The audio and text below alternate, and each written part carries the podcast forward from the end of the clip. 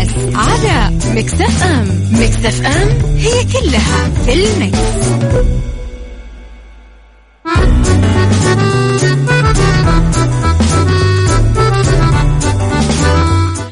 يا صباح الخير والورد والجمال والسعادة والرضا والمحبة والتوفيق والفلاح وكل شيء حلو يشبهكم. تحياتي لكم وين ما كنتم. يسعد لي صباحكم من وين ما كنتم تسمعوني. أرحب فيكم من وراء المايك والكنترول أميرة العباس. ساعتنا الأولى تبتدأ من أصل ثلاث ساعات يوميا معاكم من الأحد للخميس من عشرة الصباح لوحدة الظهر. طبعا ساعتنا الأولى دايما أخبار طريفة وغريبة من حول العالم جديد الفن والفنانين وآخر القرارات اللي صدرت. ساعتنا الثانية قضية رأي عام وضيوف مختصين وساعتنا الثالثة صحة وجمال وديكور ومطبخ على تردداتنا بكل مناطق المملكة تسمعونا وعلى رابط البث المباشر وعلى تطبيق Mix FM Android و iOS على واتساب Mix FM معك وتسمعك صفر خمسة أربعة ثمانية, ثمانية واحد, واحد سبعة صفر صفر. وعلى at Mix FM Radio تويتر سناب شات انستغرام فيسبوك جديدنا كواليسنا تغطياتنا وآخر أخبار الإذاعة و المذيعين. ارسلوا لي دائما رسائلكم الحلوة وصبحوا علي مش على الغامدي يسعد لي صباحك بكل الخير وسارونا. يا صباح الهنا. عيشها صح مع أميرة العباس على مكتف أم مكتف أم هي كلها في المكس.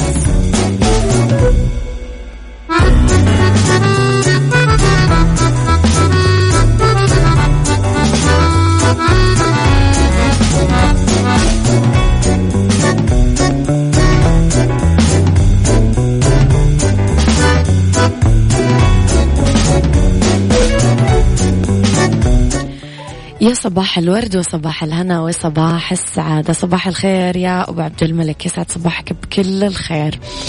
أكد المتحدث الرسمي باسم وزارة الصحة الدكتور محمد العبد العالي أنه من يروج الإشاعات عن لقاحات كورونا يسبب خطر على الآخرين من حوله وقد يتسبب بعدم الوصول للمناعة المجتمعية. أشار إلى أنه المناعة المكتسبة بعد الإصابة بحاجة إلى تنشيط آه، بعد ست شهور من التعافي. والمريض المصاب بكورونا ما يحتاج إجراء فحص لإثبات التعافي بل الاكتفاء بمرور عشر أيام من الإصابة. أوضح أنه إحصائيات متلقين اللقاح في المملكة. آه، اقتربت من تسجيل 14 مليون جرعة معطاة من لقاحات كورونا. أكد المتحدث الرسمي باسم وزارة الصحة أيضا أنه المناعة اللي يكتسبها مصاب كورونا بعد التعافي تحتاج زي ما قلنا من خلال اللقاح خلال ست أشهر من التعافي. وجدد متحدث الصحة التأكيد على أن اللقاحات آمنة وفعالة وضرورية للحماية مشير إلى أن الفيروس خطير ولا سمح الله يؤدي لأمراض شديدة حتى إلى الوفاة. عيشها صح مع أميرة العباس على مكتف أم. مكتف أم هي كلها.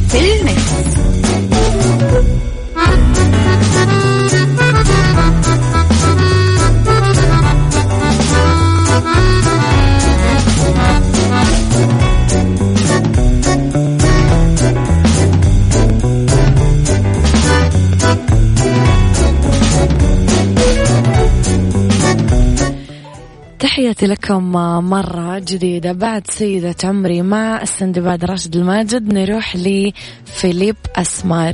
استشار المخرج اللبناني فيليب أسمر جمهوره ومتابعيه رأيهم بإنجاز جزء ثاني من مسلسلي عشرين عشرين وللموت اللي عرضوا في موسم دراما رمضان 2021 طبعا نشر فيليب عبر صفحته الرسمية على آه مو على إنستغرام وصورة وحط معها تعليق.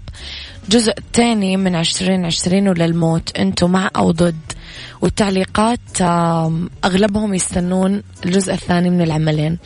كم من بين المعلقين الكاتبة نادين جبير قالت أنا معك إلك بكل الأحوال. وعلقت ماجي بغصن قالت أنا معك للموت. بشار آه، أيضا وأشاروا إلى أنه المسلسل آه، للموت 2020 آه، عرضوا في رمضان الماضي وحققوا نسبة متابعة عالية جدا. هم من إخراج فيلم أسمر. أنا 2020 تابعته صراحة كامل خلال رمضان والحين أمس بدأت أنا وماما في للموت. حضرنا يمكن ثلاث حلقات أو أربع كمان. حلو مسلسلات فعلا تشد. عيشها صح مع أميرة العباس على مكتف أم مكتف أم هي كلها في المكس.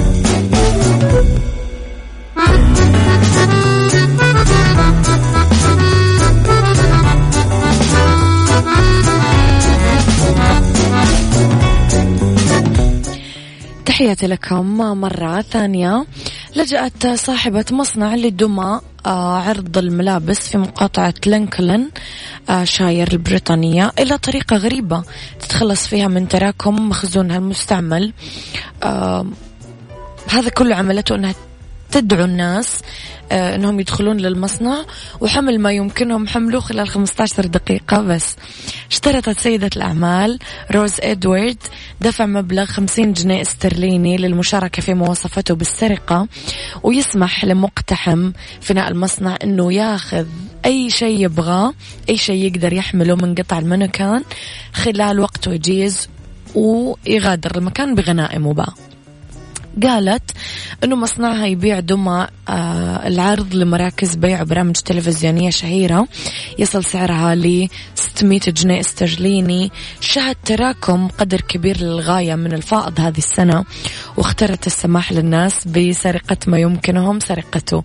نقلت صحيفة بريطانية عن سيدة الأعمال قولها لم يعد لدي الكثير من الفائض في البداية لكنني اشتريتهم بسرعة من المتاجر التي كانت تعاني الركود. يعني فادت غيرها واستفادت هي.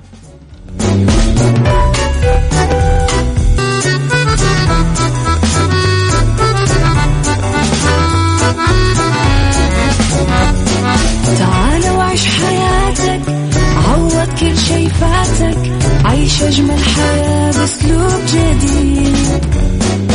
دوامك أو في بيتك حتلاقي شي يفيدك وحياتك إيه راح تتغير أكيد.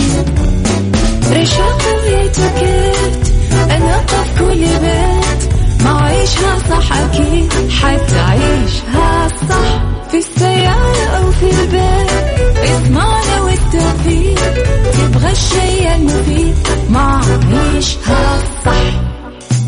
الآن عيشها صح مع أميرة العباس على مكتف أم مكتف أم هي كلها في المكس.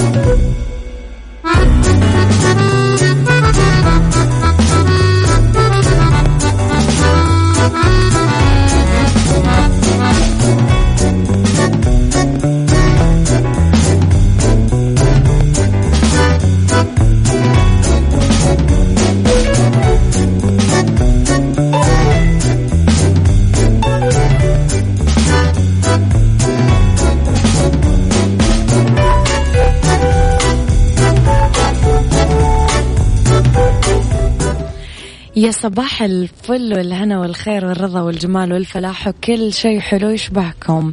تحياتي لكم وين ما كنتم وصباحكم ورد وجمال وين ما كنتم. أحييكم من وراء ال mic وال control أنا أميرة العباس ساعتنا الثانية.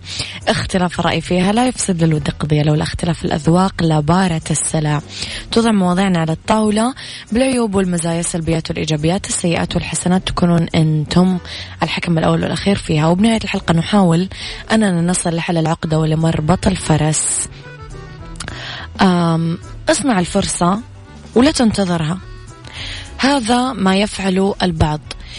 يدرس وينهي شهادة عليا ويدرس أكثر شهادات ثانية لكن يبقى هناك محجوز في برواز الصورة مثل الشهادات بالضبط. كثير يتكلمون عن اقتناص الفرص في البحث عن عمل يليق بطموحنا وحسب مؤهلاتنا وهذا شيء حلو بس الفرص اللي مثل هذه ربما ما تتكرر إذا ما فاتنا اقتناصها بس إذا شحت هذه الفرص أو طال انتظارها إيش الحل؟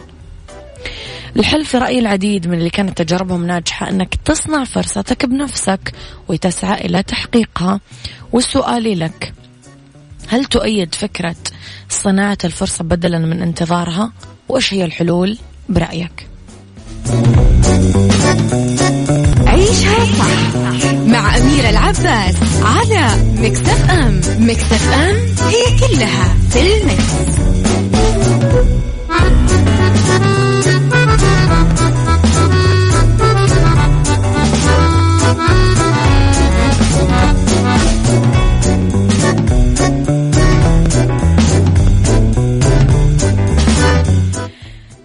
شيء خلق رب العالمين بهالكون الفسيح يتحرك ويسعى حتى أصغر مخلوقاته وكثير تجارب علمية أثبتت ذلك حتى أصغر الكائنات بحركة دائمة. وإذا وجد العنصر الخامل كما تعلمنا بعلوم الكيمياء فهو يحتاج إلى محفز لا أكثر. دوري على محفز إذا ما قدرت تحفز ذاتك وخلي كل خطوة بداية حتى إذا وصلت للهدف فهذا يعني أنه قمة انتهت. عشان تبدأ تصعد لقمة ثانية. وهبنا رب العالمين الحياة لنعمل بها ورح ندخل الجنة بعملنا لا بغيره. الحياة قصيرة جدا. فإذا انتظرنا الحظ والفرصة والوقت المناسب ربما راح يكون الانتظار آه طويل جدا يعني علينا. بس إحنا نحتاج أنه نعمل فرصتنا بنفسنا نصنعها ونبدأ نبحث عنها ونخلقها ونبتكرها ونجمل الإبداع فيها. تميز بكل حاجة قاعد تصنعها تميز بفرصتك وتميز بما تصنع. كن محب لما تعمل. اعمل واستمر بحفر بيرك لأنه الماء موجود في مكان ما. يعني في أحد الأماكن موجود هذا البئر.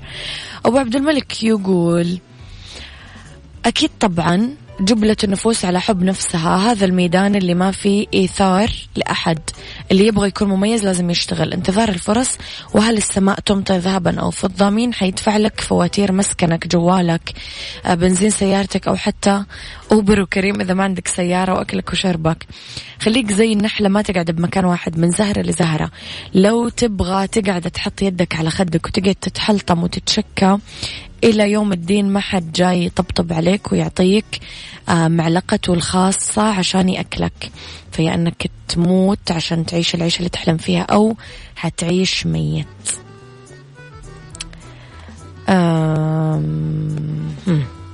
حلو.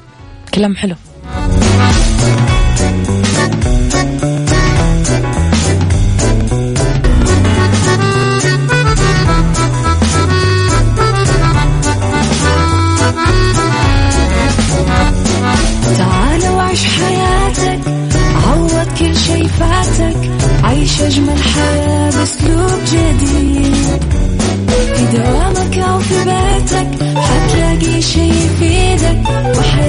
إيه راح تتغير أكيد.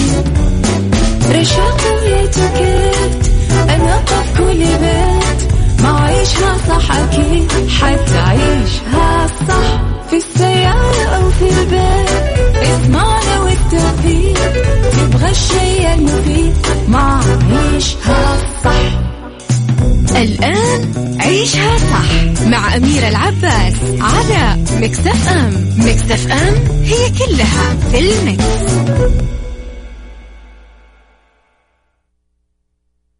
بالدنيا صحتك برعاية مجموعة أندلسية العربية للخدمات الطبية على Mix FM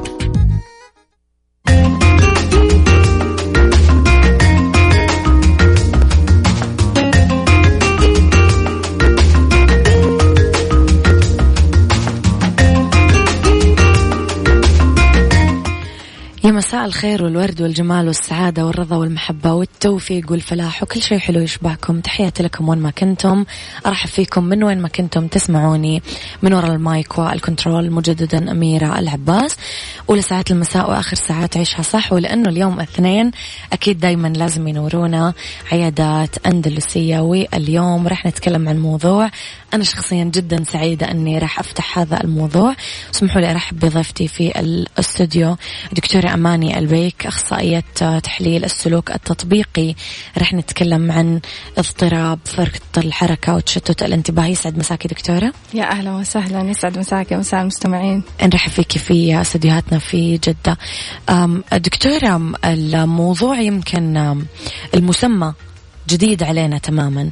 يمكن إحنا في في ناس نشوفهم عندهم هذا الاضطراب. بس إحنا ما نعرف آه إيش تفسير وتبرير السلوكيات اللي هم قاعدين يعملونها. هو موضوع شوية جديد علينا. فلو تشرحي لنا أصلا إيش هو اضطراب فرط الحركة وتشتت الانتباه وأسباب الإصابة فيه كمان. جميل. آه هو الاضطراب فرط الحركة وتشتت الانتباه هو اضطراب عصبي بيولوجي. آه المصابين بهذا الاضطراب يكون عندهم آه اختلاف بسيط في تركيبة الدماغ من حيث أنه بعض المناطق تكون أصغر مقارنة بالأشخاص اللي ما يعانوا من هذا الاضطراب. م. وأيضا يكون هناك ضعف في الناقلات العصبي العصبية في الدماغ. ويتسم هذا الاضطراب بظهور أعراض على الطفل مثل فرط الحركة تشتت الانتباه والاندفاعية. آه إذا نتكلم عن أسباب هذا الاضطراب فتكلمت الدراسات عن أن معظم الحالات أسبابها وراثية وهي تقريبا النسبة العظمى يعني فوق 80% من الحالات. والقليل من الحالات بتكون أسبابها ترجع إلى مشاكل خلال الحمل والولادة مثل نقص الأكسجين أو تناول الأم للكحول أثناء الحمل. هذه كلها تكون سبب. إذا هو مو حاجة الواحد يتعلمها دكتورة هو حاجة جينية أكثر يعني وراثية أبدا. هي شيء أبدا غير مكتسب يعني يخلق الإنسان به. تمام.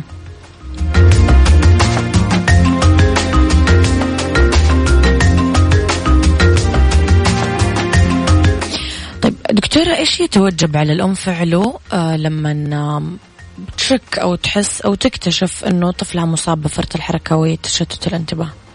دائما ننصح الأم أنها تلاحظ طفلها من عمر جدا صغير يعني عمر سنة ونص سنتين بحيث أن الأعراض أحيانا بتكون ظاهرة جدا من من وقت مبكر. مما يعني يسبب في إعاقة اكتساب الطفل للمهارات اللي بيكون أقرانه مكتسبينها بصفة طبيعية. ملاحظتها في سن صغير لهذا الموضوع يعني يدعم العلاج أو يساعد بالعلاج بشكل أكبر؟ طبعا جدا كل ما لاحظنا الأعراض من سن مبكر كل ما كان العلاج أسهل. فعال أكثر. أنا وحضرتك رح نتكلم أكثر عن هذا الموضوع رح نطلع لأذان الظهر ونرجع نكمل حوارنا مرة أخرى.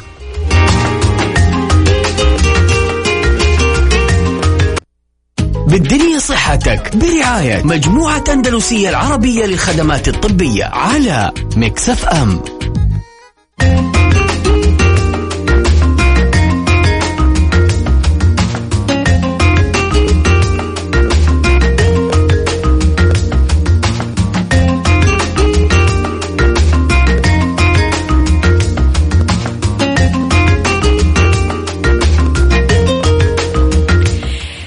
تحياتي لكم مجددا أرحب فيكم أرحب بضيفتي مجددا دكتورة أماني البيك. دكتورة ذكرتي إنه من عمر سنة أو سنة ونص ممكن الوالدة تبدأ تلاحظ تصرفات معينة على ابنها. تقدر من خلالها تكتشف انه عنده اي دي اتش دي أو اضطراب فرط الحركة وتشتت الانتباه. زي إيش ممكن أنتبه دكتورة؟ إيش التصرفات اللي ممكن ألاحظها على طفل في هذا العمر؟ من أول الأشياء اللي ممكن نلاحظها أن الطفل في هذا العمر الصغير يبدأ يلعب بطريقة مختلفة عن بقية الأطفال كمثال أن الطفل هذا يبدأ ينتقل من لعبة إلى أخرى في غضون دقائق يعني أو أو ثواني ممكن نقول مم. بينما الطفل اللي الطبيعي اللي عمره سنتين أو ثلاث سنوات يطول في اللعبة نفسها ممكن أكثر. يقضي 10 إلى 15 دقيقة في لعبة واحدة يعني مم. فهذا من هذه من أول المؤشرات إن الطفل يبدأ ينتقل من لعبة إلى أخرى بصورة سريعة. مؤشر آخر إن الطفل يكون سهل التشتت بالمؤثرات الخارجية بحيث إنك أنت ممكن تتكلمي مع الطفل لكن يبدو إنه هو لا يستمع إليك لأنه متشتت بالأصوات الخارجية اخواني بيلعبوا صوت التلفزيون أحد داخل فتح الباب أشياء زي كذا يعني ممكن إنها تشتت الطفل بصورة كبيرة. طيب لو أنا ما لاحظت دكتورة في هذا العمر لما يدخل المدرسة هل في علامات معينة أقدر ألاحظ فيها؟ آه طبعا آه مثلا إن الطفل آه استجابته للتعليمات من المعلم بتكون متأخرة مستوى الدراسي مستوى. الدراسي ممكن إنه هو يكون يعني عنده عدم القدرة على إنه هو يسجل إيش المطلوب منه مثلا ال- ال- الأستاذ بيقول عليكم واجب كذا كذا صفحة كذا. هو ما بيسجل المعلومات هذه فيرجع البيت يلاقي نفسه ما هو عارف إيش الواجب المطلوب. فما يحله ويجي ثاني يوم آه، يتعرض آه، للعقاب أو آه، لل يعني الكلام ال- النقد أو ودرجاته تكون ناقصة وإلى آخره. طب دكتورة الكبار يعني كيف أنا أفرق بين الشخص اللي طاقته عالية أو energetic يعني هو بحرك والشخص اللي عنده لا عنده ADHD أو مثلا الشخص اللي هو already مشتت حاليا عنده أحداث في حياته ولا هو لا عنده اي دي اتش دي ممكن نقول إنه بعض الناس عندهم آه، الحركة الزايدة. مم. مثلا إنه هو جالس في مكانه يبدأ يتململ في مكانه أو مم. يحرك يده ينقر بأصابعه مم. آه، يتحرك في الكرسي أو إنه يقوم يروح ويرجع يروح ويرجع بهذه الطريقة يعني فهذا هذا يظهر برضو على ال- الكبار ممكن يكون إنه نفس الشيء ما يقدر يستمع لفترة طويلة ما يقدر يتكلم لفترة طويلة صحيح. الفترات الطويلة هذه تضايقهم يعني فهذه علامات ممكن انتبه فيها صحيح طيب العدوان دكتور السلوك العدواني عند الأطفال اللي يعانون من اضطراب فرط الحركة وتشتت الانتباه إيش تفسيره؟ آه، يرجع التفسير غالبا إلى هم إنهم عدم القدرة عندهم على تفسير الإشارات الاجتماعية مثلا إنه أنا آه، آه. الطفلين جو يلعبوا مع بعض مثلا فالطفل اللي عنده ADHD يفكر إنه الطفل الثاني بيضربه مثلا أو بيكون- يهاجمه. أو, أو بيهاجم بياخذ منه اللعبة. مم. ما يعني ما بيفسر الإشارات الاجتماعية بالطريقة المناسبة. يفكرها إنها عدوان فبيرد عليها بطريقة عدوانية أخرى. بيدافع عن نفسه. بالضبط. طيب ال- العلاج دكتورة آم، كيف يتم عادة؟ يعني أغلب الأسئلة اللي موجودة عندي آه أنه هل بعطي أطفالي دواء ولا هل بوديهم لجلستهم؟ ودايما فاهمين أنه الشزلون والدكتور اللي بيسمع فلو نشرح دكتورة كيف عادة تكون المرحلة العلاجية للأطفال مثلا؟ طيب إحنا عادة نقسم العلاج إلى أربعة أشياء. المرحلة الأولى هي التثقيف، التثقيف ضروري إنه الأسرة والمجتمع يكون عندهم وعي بهذا الاضطراب وكيفية التعامل معه. آه، المرحلة الثانية هي العلاج الدوائي، العلاج الدوائي أحيانا في بعض الحالات بيكون جدا ضروري نعم. بحيث إنه يحافظ على مستويات تركيز معينة آه، يخفف ال- فرط الحركة والاندفاعية. آه، والمرحلة الثالثة هي العلاج السلوكي. العلاج السلوكي بحيث إن إحنا نسيطر على السلوكيات الغير مرغوبة التي نشأت بسبب هذا الاضطراب أو نشأت بسبب النقد المتواصل اللي تعرض له الطفل بسبب هذا الاضطراب. واخرا اللي هو العلاج التربوي واللي بيكون في المدارس. طيب دكتور أنا قبل ما أنهي الحلقة بس نبغى نتكلم شوية عن آم، الأهل. اللي دايما على طول عندهم سلوك دفاعي. لا أنا أبني زي الفل ما في حاجة. أنا بنتي كويسة أنا هم بس حركين زيادة. أنا هو بس لا لأنه ما نام كويس فما هو مركز معاك. أو الأستاذات أو الأساتذة في المدارس هذا غبي ما هو راضي يفهم علي هذا ما درسوه كويس ولا خلوه ينام ولا. هذول الاثنين دكتورة قديش يكون يعني في ما أعرف كسرة نفس للطفل يمكن. الطفل يعني يزعل يمكن حتى لما يكبر في أشياء ما راح تنمسح من ذاكرته. وفي إذا هو مثلا راجع خطوة هم يمكن راح يرجعونه عشرين خطوة زيادة على ورا. فإيش نقول لهذول الاثنين دكتورة؟ أنه لازم الأستاذ مثلا يكون يحلل أنه هذا الطفل عنده مرض معين أو عنده اختلاف معين. صحيح. وإحنا دائما نقول إنه الاعتراف بالمشكلة هو بداية الحل لها. وزيادة الوعي عند هذول ال- الأشخاص اللي ذكرتيهم جدا مهم في علاج الطفل. آه، النقد كما ذكرتي بي- بيودي ال- الطفل لخطوات لورا. آه، عشان إحنا نعالج الموضوع هذا سلوكيا عندنا. آه، يعني بنواجه صعوبة في إن إحنا نرمم ال- النقد اللي تعرض له سواء لسنة لسنتين لخمس صحيح. سنين.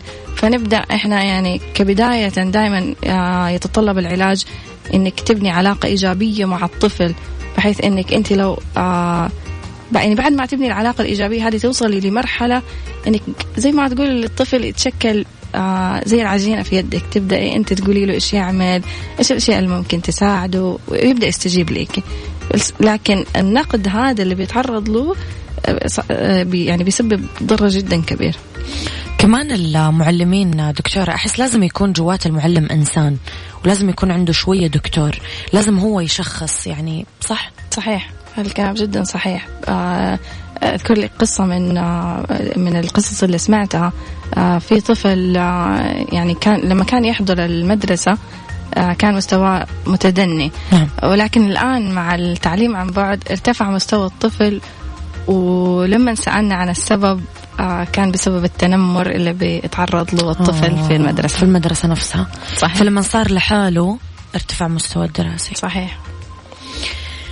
هذه هذا شيء محزن يعني ورسالة نوجهها لجميع الأهالي المختصين المعلمات والمعلمين في المدارس إنه انتبهوا على التفاصيل. جدا. في تفاصيل تفرق. دكتورة نورتيني يعطيك ألف عافية. أنا سعيدة جدا باستضافتك اليوم. يا رب أهلا وأكيد لنا استضافات قادمة بإذن الله تعالى. بإذن الله يا رب. يعطيك ألف عافية. إذن ضيفتي اليوم من عيادات أندلسية الدكتورة أماني الك أخصائية تحليل السلوك التطبيقي تكلمنا عن اضطراب فرط الحركة وتشتت الانتباه. اللي فات الحلقة يقدر يسمعها في application Mix FM Android و iOS أو على رابط البث المباشر.